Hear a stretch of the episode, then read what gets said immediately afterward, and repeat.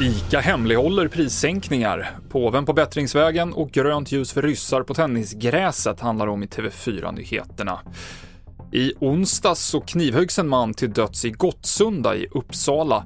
Nu skriver UNT att en man har blivit gripen och anhållen misstänkt för medhjälp till mord. Tre andra personer som greps kort efter mordet har blivit släppta. Mannen som dog var i 25-årsåldern. ICA kommer inte att berätta vilka varor de sänker priset på under kampanjen man gick ut med i veckan, som börjar gälla efter påsk, där rapporterar SR. Enligt ICA är det av konkurrensskäl. Samtidigt så har både Lidl och Coop gått ut med vilka varor de sänker priserna på. Lönerörelsen är inne i ett avgörande skede. Idag väntas ett nytt avtal mellan industrins parter bli klart och det sätter det så kallade märket som sätter nivån för övriga kollektivavtal.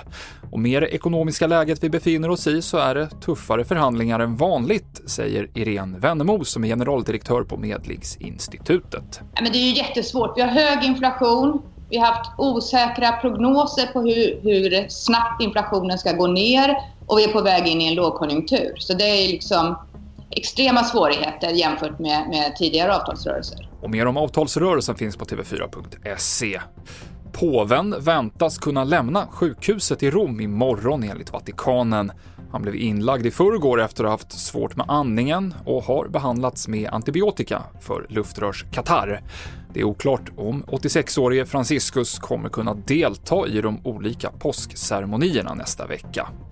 Till sist, tennis. Ryska och belarusiska spelare kommer att få ställa upp i Grand Slam-turneringen Wimbledon i sommar. Förra året stoppades de med anledning av invasionen av Ukraina, men i år så tillåts spelarna ställa upp så länge de tävlar under neutral flagg och inte uttrycker något stöd för kriget.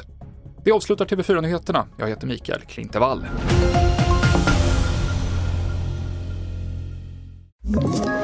Ett poddtips från Podplay. I fallen jag aldrig glömmer djupdyker Hasse Aro i arbetet bakom några av Sveriges mest uppseendeväckande brottsutredningar. Går vi in med hemlig telefonavlyssning och, och då upplever vi att vi får en total förändring av hans beteende. Vad är det som händer nu? Vem är det som läcker? Och så säger han att jag är kriminell, jag har varit kriminell i hela mitt liv men att mörda ett barn, där går min gräns. Nya säsongen av Fallen jag aldrig glömmer på Podplay.